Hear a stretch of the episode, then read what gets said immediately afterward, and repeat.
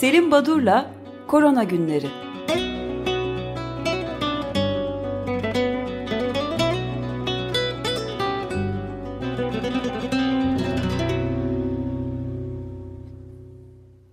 Günaydın Selim Badur, merhabalar.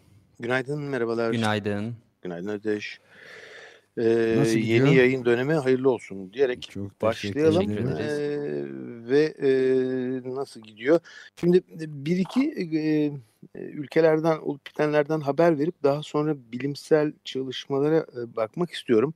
E, süremiz kısa bugün. Avrupa ülkeleri önlemleri hafifletiyorlar. Örneğin İspanya'da kuaförler randevu ile çalışmaya başlayacak. İtalya'da akraba ve arkadaşlarının ziyareti başladı.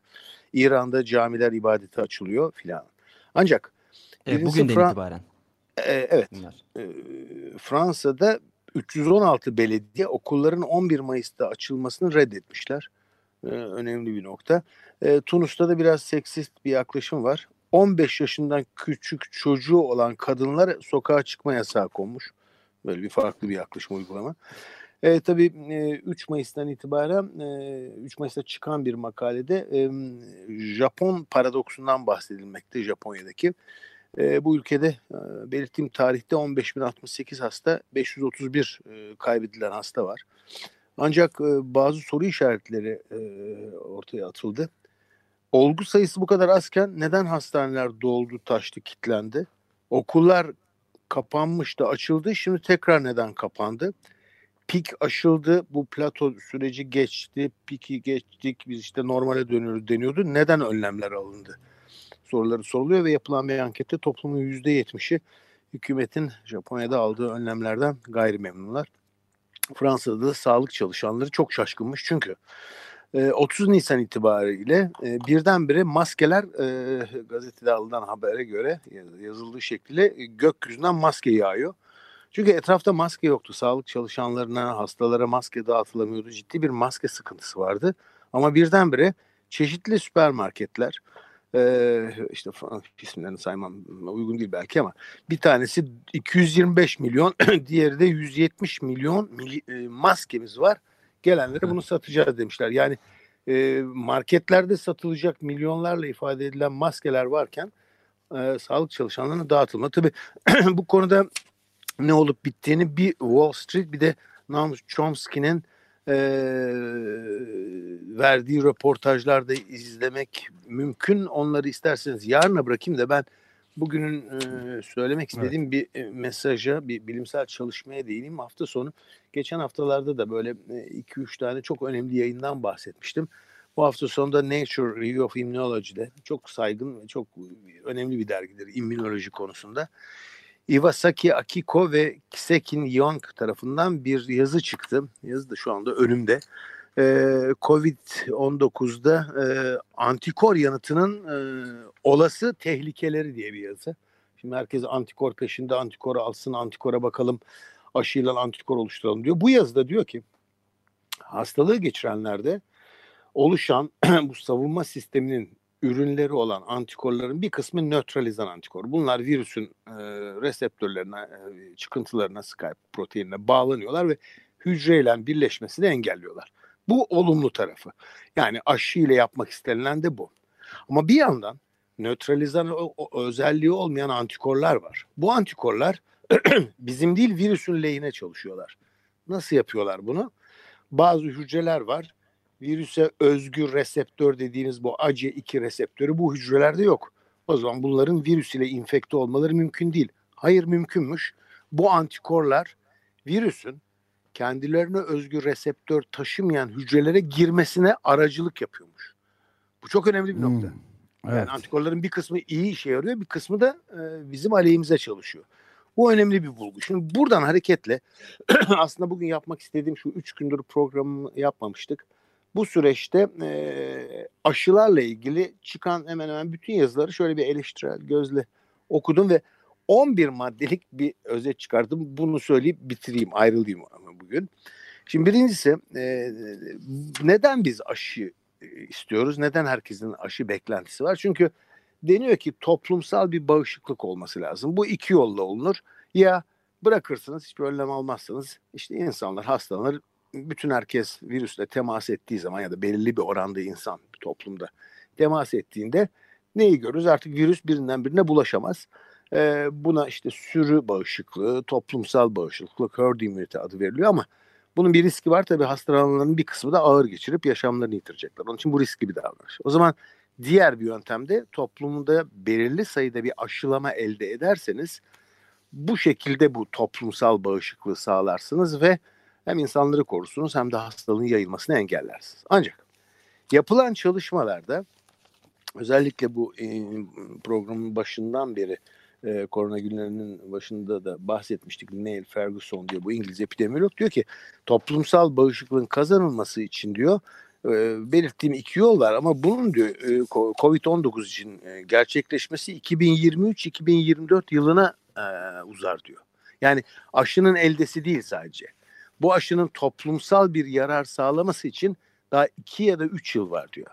Şimdi buradan hareketle ben bütün bu aşı çalışmalarına bakınca şöyle bir takım başlıklar çıktı ortaya. Bir, bir kere solunum virüsleri için yani nezle, soğuk algınlığı diye e, hep e, isimlendirdiğimiz işte RSV, adenovirüs, parainfluenza virüsü gibi virüsler bir düzey 200 200 tane mikroorganizma var solunum yolu enfeksiyonuna yol açan.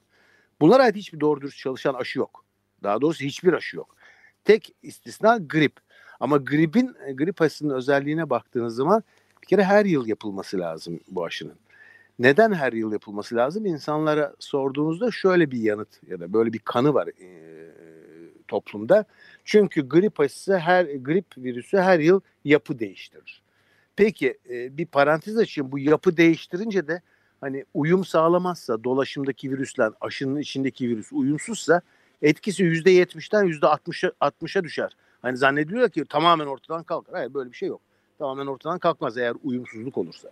Ama birinci neden her yıl aşılanmamızın bu tarz bir antijenik değişim. İkinci neden ise daha da önemlisi grip aşısıyla sağladığınız bağışıklık 8 ayda bitiyor. Ortadan kalkıyor. Yani bir kızamık aşısı bir hepatit aşısı gibi değil. Kısacası solunum virüsleri için doğru dürüst bir aşı yok.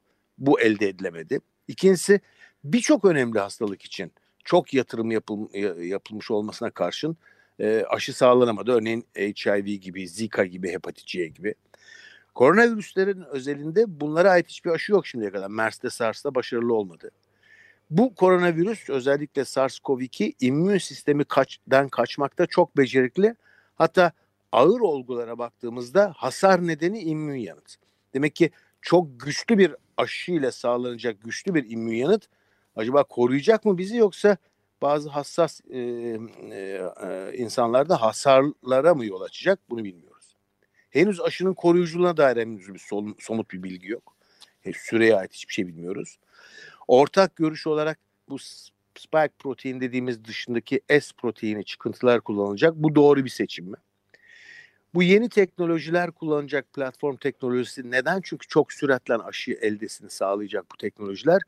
Çok bahsedilmekte bu teknolojilerden yıllardan beri ama daha henüz somut olarak bu teknolojilerle elde edilmiş hiçbir aşı yok. Peki bunlar teknoloji ve immünoloji açısından e, soru işaretleri. Bir de aşı hazırlanırsa eğer bunun uygulanmasına baktığımızda kontrol grubu çalışmalarını kime yapacaksınız? Preklinik çalışmalar aylar hatta bazen yıllar sürüyor. Bu unutulmamalı. İlaçlara oranla aşıların güvenlik kontrolleri çok daha uzun.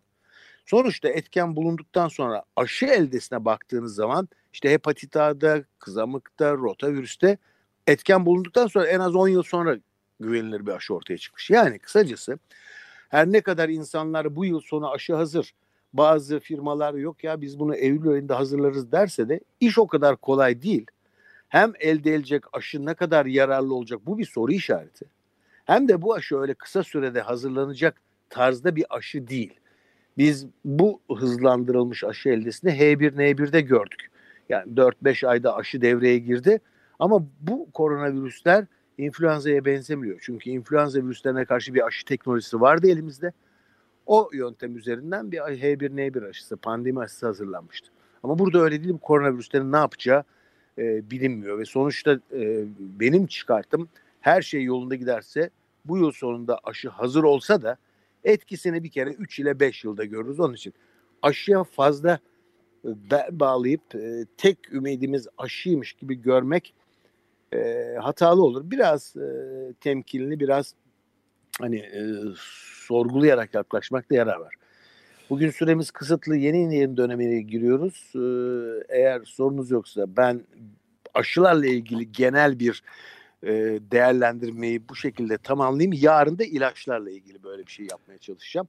Sorunuz evet. varsa yanıtlayayım yoksa veda Çok önemli noktaları ortaya koydunuz. Ben iki ufak ilavede bulunayım. Noam evet. Chomsky'nin sözünden bahsettiğiniz konuşmasından. iki biri iktisatçı, iktisat tarihçisi, biri de felsefeci ve aktivist olan iki kişiden Thomas Piketty bir önemli konuşma yaptı ve koronavirüs pandemisinin e, sosyal eşitsizliğin bütün o şiddetini ortaya koyduğunu söyledi ki dünya çapında çok önemli aslında.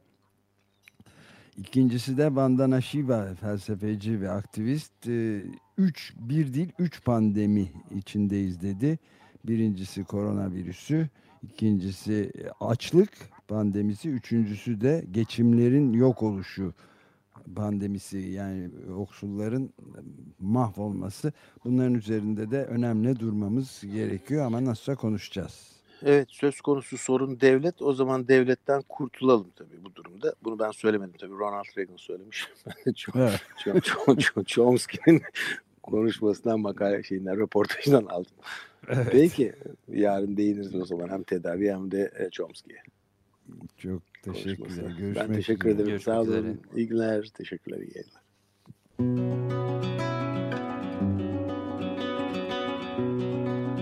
Selim Badur'la Korona Günleri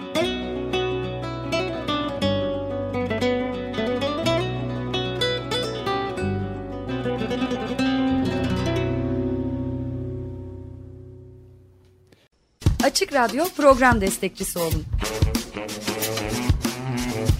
Bir veya daha fazla programa destek olmak için 212 alan koduyla 343 41 41